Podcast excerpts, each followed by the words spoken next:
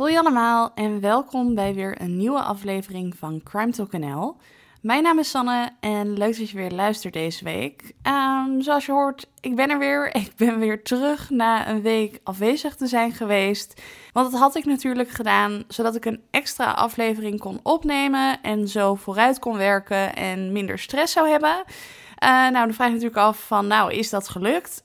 Um, het antwoord is nee. er kwamen wat dingen tussen. Um, dus helaas, dat is niet gelukt. Dus in de toekomst gaat dit nog een keertje voorkomen, zodat ik dan echt een aflevering vooruit kan werken. Voor nu ben ik er gewoon weer, heb ik weer een nieuwe aflevering voor jullie en hoop ik dat het zoals altijd goed met jullie gaat. Laten we gelijk beginnen met de zaak van deze week. En de zaak van deze week is een cold case, uh, een onopgeloste zaak dus. En deze week is dat de zaak van Mariette Peters. Ik begin zoals gewoonlijk weer met de achtergrondinformatie. Um, dus ja, laten we daar gewoon mee beginnen. Um, dit alles vindt plaats in 1992 en Mariette is dan 26 jaar oud. Een ja, jonge vrouw dus nog. Ze had kort donkerblond haar, echt een beetje zo'n jaren 90 kapsel. En ze was getrouwd met haar man Bart. En samen woonden Bart en Mariette in een klein dorpje genaamd Sint-Hubert. En dat ligt dan weer in Noord-Brabant.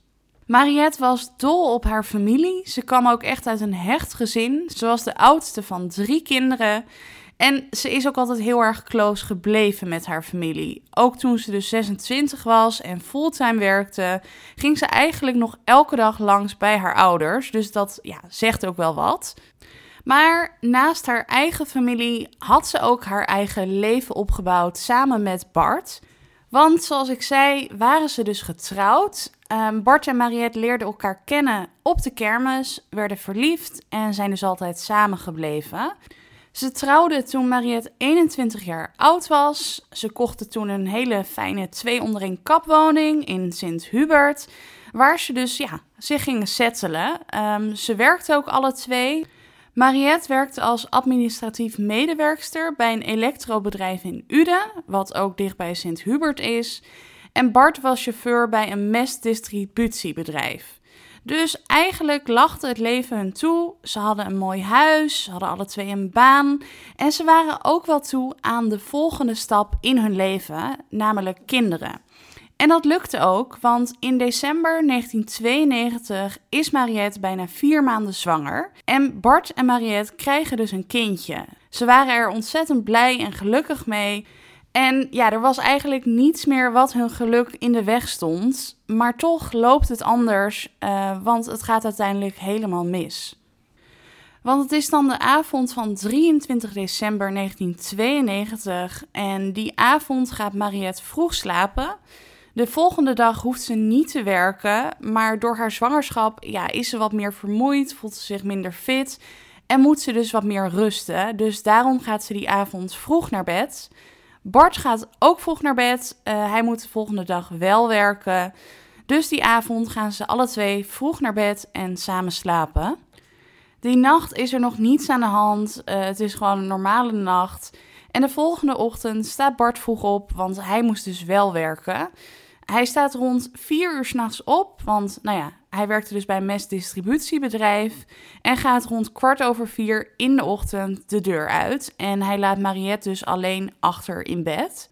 Ze hadden afgesproken dat Bart tijdens de lunch terug zou zijn, dus in de middag rond kwart over één komt Bart weer thuis om samen met Mariette te gaan lunchen.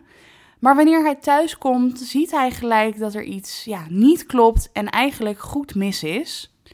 Want ze hadden zo'n voordeur met van die ruiten erin. En een van die ruitjes was ingeslagen. Dus Bart dacht gelijk aan een inbraak en die ging snel naar binnen. En toen hij binnen was, leek dat inderdaad te kloppen. De hele woning was overhoop gehaald. Maar dat was eigenlijk niet de grootste zorg voor Bart. Dat was namelijk Mariette.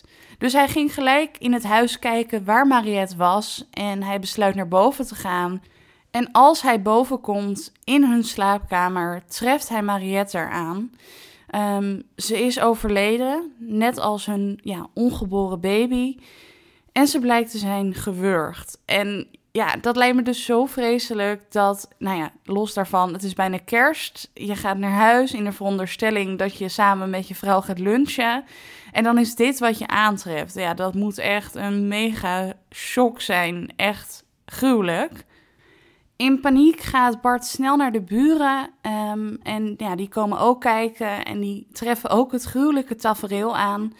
En uiteindelijk wordt natuurlijk de politie ingeschakeld. En de politie doet met 24 man onderzoek.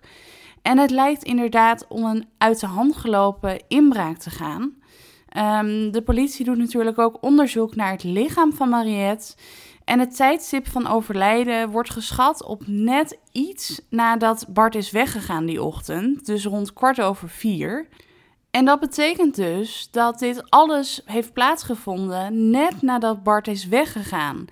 En dat lijkt me als Bart zijnde zo naar om je te realiseren. Uh, het lijkt me dat je dan gaat denken van, goh, als ik nou iets later was weggegaan, was het dan niet gebeurd? Of had ik het kunnen voorkomen?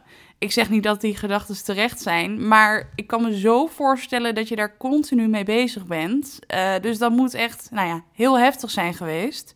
De politie houdt er dan ook rekening mee dat het zou kunnen dat uh, de dader of daders de woning in de gaten hebben gehouden en dat ze misschien hebben gezien dat Bart dus weggereden is. En op dat moment dachten, ha, er is niemand in huis, nu kunnen we toeslaan. En dat ze daarom toen naar binnen zijn gegaan. En achteraf kan Bart zich ook herinneren dat op het moment dat hij wegging, dat hij een lichtkleurig busje had zien rijden. En dit was waarschijnlijk een Ford Transit. En op het moment dat Bart dus wegreed, reed deze Ford de straat bij hun in. En ik weet ook niet of het normaal gesproken heel druk was bij hun in de wijk, maar het viel hem dus in ieder geval wel op. En het zou dus kunnen dat de dader of daders in dit busje hebben gereden. Sowieso wordt er vanuit gegaan dat het daders waren, in ieder geval twee. En dat deze daders dus het huis zijn binnengekomen door de deur open te breken. En dat ze toen in de woning zijn gaan zoeken naar waardevolle spullen. Want de hele woning lag dus overhoop, wat erop duidt dat ze op zoek waren naar iets. En er waren ook spullen die er niet waren, namelijk een tv en een videorecorder. Maar uiteindelijk hebben de daders de tv en de videorecorder niet meegenomen, want deze werden aangetroffen in de garage in de witte Peugeot van Mariette en Bart. Maar deze Peugeot had een extra beveiliging erop zitten, waardoor hij heel moeilijk te stelen was. Dus het zou heel goed kunnen dat de daders de videorecorder en de tv in de auto hebben gezet. In de veronderstelling dat ze zo met die auto konden wegrijden en daarbij dus ook nog eens de auto konden stelen. Maar dat dat uiteindelijk niet is gelukt, omdat die auto dus een extra beveiliging had, waardoor hij niet zomaar mee te nemen was. Maar ja, goed, uh, inbraken gebeuren natuurlijk regelmatig, helaas. En dat is ook heel ellendig. Uh, ik wil nu niet doen alsof dat niet erg is. Maar dat mensen vermoord worden tijdens een inbraak, ja, dat is natuurlijk wat minder voorkomend. Dus waarom hebben de daders besloten dat Mariette en haar ongeboren baby dood moesten? Nou ja, over die vraag heeft de politie zich natuurlijk ook gebogen. Uh, ze hebben alle scenario's onderzocht. Ook bijvoorbeeld het scenario of het zou kunnen dat het misschien een gerichte actie op Mariette persoonlijk was. Dus of er iemand was die haar iets aan zou willen doen. En bij dit onderzoek is er ook gekeken naar Bart. Dat heb ik al vaker gezegd, maar vaak bij onderzoeken kijken ze ook naar de naaste omgeving. Wat natuurlijk ook logisch is, want ja, er zijn altijd redenen waarom iemand iemand anders zou kunnen vermoorden. Um, en daarbij is dus ook gekeken naar Bart. En zoals ik ook altijd zeg, dit lijkt me zo pijnlijk. Uh, je vrouw en je ongeboren baby zijn vermoord. En dan moet je je gaan verantwoorden, uh, gaan uitleggen waarom jij er niets mee te maken hebt. Uh, ja, het lijkt mij heel pijnlijk. Ik snap ook dat het wel moet gebeuren. Want ja, als politie zijnde moet je natuurlijk alles uitsluiten. Maar dat lijkt me wel heel confronterend en heel naar om mee te maken. Um, er zijn twee rechercheurs die onderzoek hebben gedaan naar Bart. Uh, ze hebben hem heel erg ondervraagd.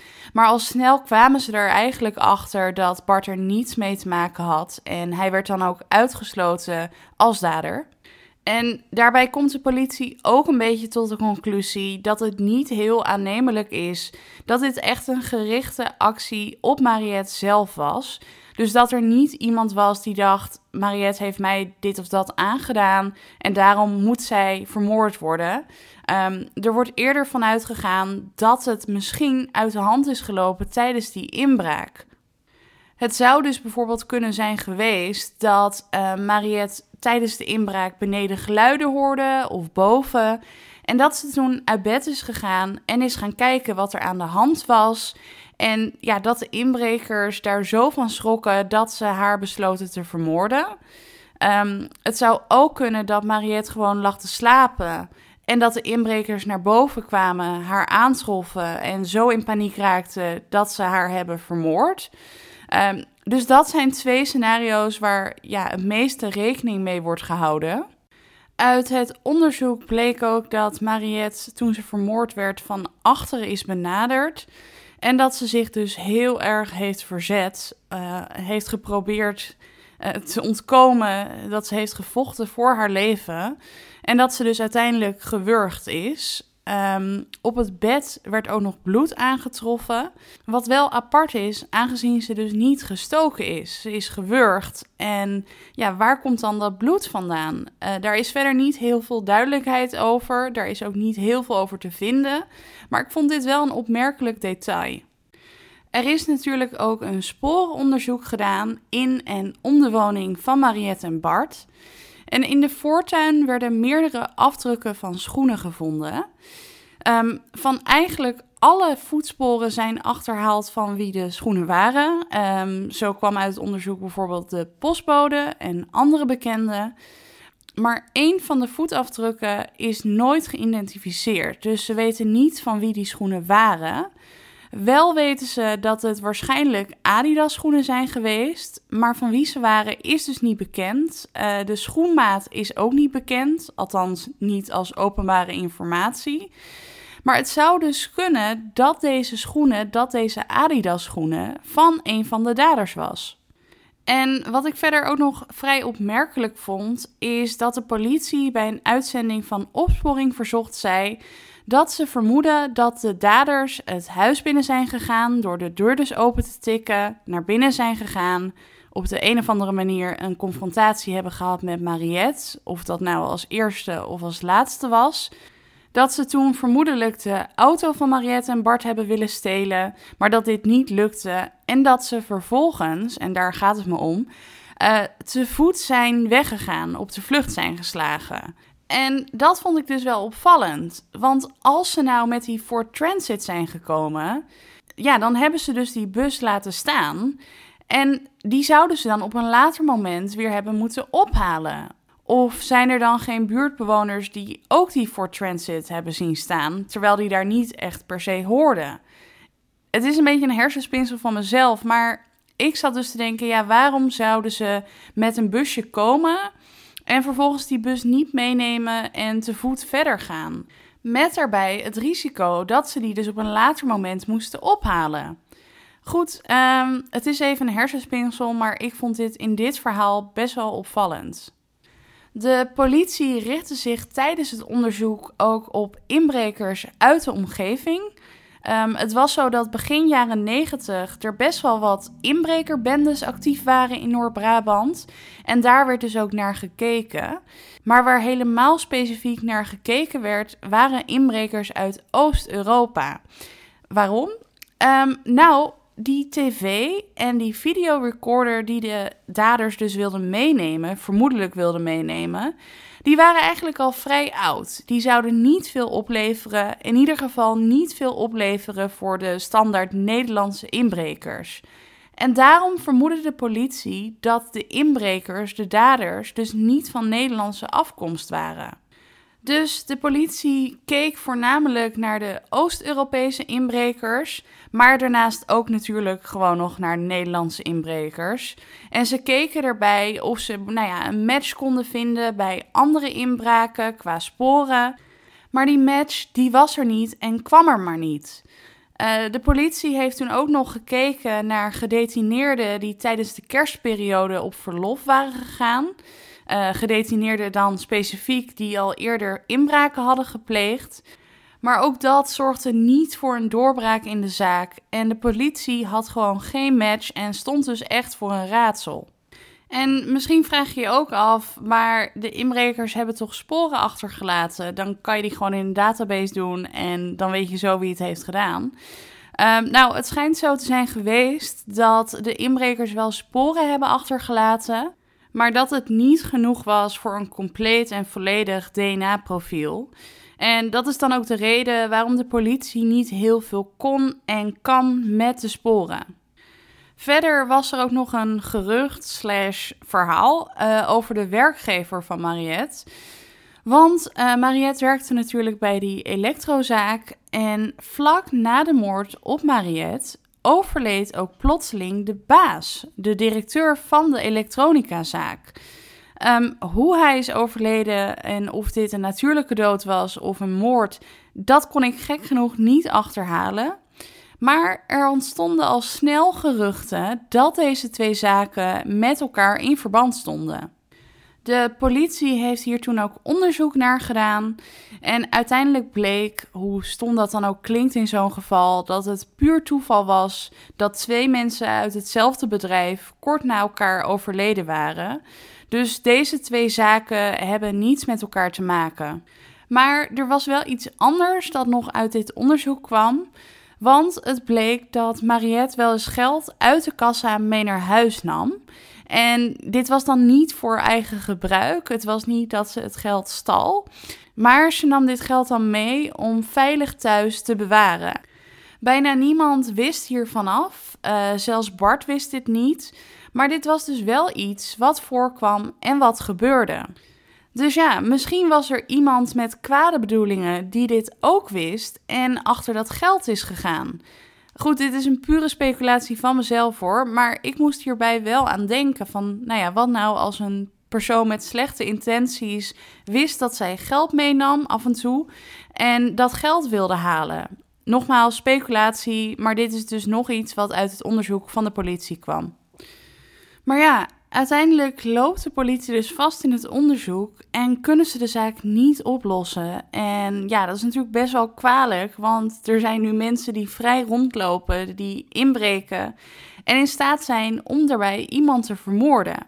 Eigenlijk twee personen, want de ongeboren baby is natuurlijk ook om het leven gebracht. De familie van Mariette wil tot op de dag van vandaag nog altijd weten wat er is gebeurd en wie de mensen zijn die Mariette en haar ongeboren baby hebben vermoord. Want ja, je mag hier natuurlijk niet zomaar mee wegkomen. Je kan niet twee mensen eigenlijk vermoorden tijdens een inbraak en dan gewoon rustig verder leven. En om die reden is de zaak van Mariette ook in 2017 op de cold case kalender van de politie gezet. En daarbij is er een beloning van 15.000 euro uitgeloofd voor de gouden tip. Want nogmaals, je mag hier niet zomaar mee wegkomen. En er is nog altijd hoop dat de daders gevonden worden. Je kan natuurlijk zeggen, ja, het is nu al zo lang geleden. De kans dat iemand zich zomaar meldt, ja, die is klein. Maar tegelijkertijd kun je natuurlijk ook zeggen, het is al even geleden. Misschien dat de daders zelf zichzelf niet melden. Maar misschien wel mensen uit hun omgeving. Misschien heeft iemand wat opgevat, heeft het toen niet durven zeggen uit angst. Maar ja, nu misschien wel. Misschien na zoveel jaren dat ze denken: Nou, nu is de tijd rijp. Um, nu ga ik me melden en ga ik vertellen wat er gebeurd is. Je weet het niet. En ja, ik hoop dat dat moment toch nog gaat komen. Want de zaak is nog altijd onopgelost. Maar ja, ik vind net zoals jullie waarschijnlijk: deze mensen moeten gewoon aangepakt worden, moeten van de straat. En moeten gestraft worden voor de dubbele moord op Mariette en haar ongeboren baby. Dus ja, laten we maar met z'n allen hopen voor haar nabestaanden dat deze moord toch nog opgelost gaat worden. Um, dit was het verhaal van Mariette Peters. Uh, voordat je gaat heb ik nog een kijk, luister, leestip voor jullie. Met deze week weer een kijktip op Netflix. En de tip die ik jullie wil geven om te kijken is de documentaire over Natasha Kampusch. Uh, Natasja Kampusch, misschien voor sommigen bekend, sommigen niet bekend, uh, is een meisje dat als kind ontvoerd is geweest. 3096 dagen in het huis van haar ontvoerder heeft geleefd. En ja, ze is uiteindelijk ontsnapt. Een heel indrukwekkend verhaal. En wat ik zelf interessant vind aan deze documentaire. Is dat Natasha Campus zelf vertelt. Ze is een vrij inspirerend persoon. Uh, ze spreekt ook regelmatig over haar ontvoering. Ze heeft boeken geschreven. Um, heel erg interessant. Maar ik vind het dus zelf altijd heel intrigerend om een slachtoffer zelf te horen praten. En om te zien hoe sterk ze er eigenlijk nog steeds uit zijn gekomen, ondanks alle ellende die ze hebben meegemaakt. Ja, ik vond het een heel erg interessante documentaire. De boeken zijn overigens ook een aanrader. Hebben jullie gelijk ook een leestip. Uh, die kan je gewoon vinden op bol.com als je zoekt op Natasha Kampusch. Maar goed, terug naar de documentaire. Er staan twee Natasha Kampuschen op Netflix. Uh, degene die je moet kijken is degene met Natasha Campus zelf als volwassene op het plaatje. Er is er namelijk nog eentje, daar staat een kind als plaatje. En dat is een speelfilm die is gemaakt over wat haar is overkomen. In ieder geval dus, mijn kijktip van deze week is de documentaire over Natasha Campus op Netflix. Uh, ja, dat was hem weer voor deze week. Uh, ik hoop dat jullie het interessant vonden. Volgende week donderdag ben ik er weer met een nieuwe zaak. Zorg dat je erbij bent. Voor nu wil ik je een hele fijne week toewensen. Bedankt voor het luisteren en tot horens.